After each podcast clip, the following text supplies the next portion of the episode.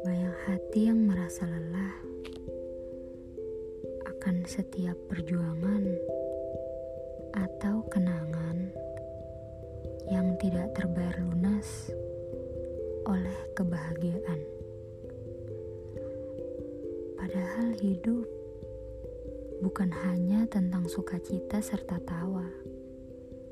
Karena tanpa luka dan duka, dewasa takkan tercipta.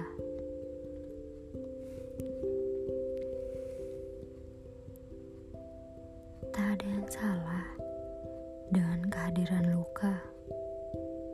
Sebut saja, luka lama adalah pengalaman dan luka baru adalah perjalanan. Sebuah perjalanan menuju proses pendewasaan.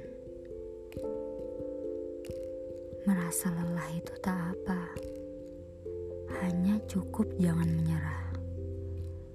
Ketika jatuh, ya bangkit lagi. Ketika lelah, ya istirahat, bukan menyerah.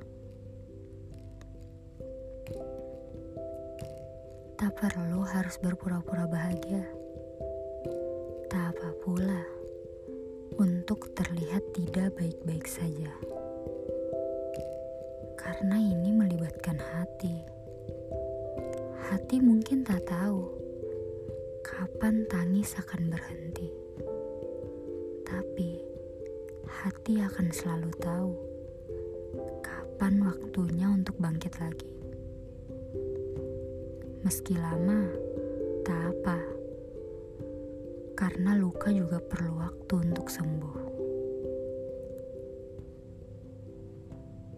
Jangan berhenti melangkah hanya karena takut terluka.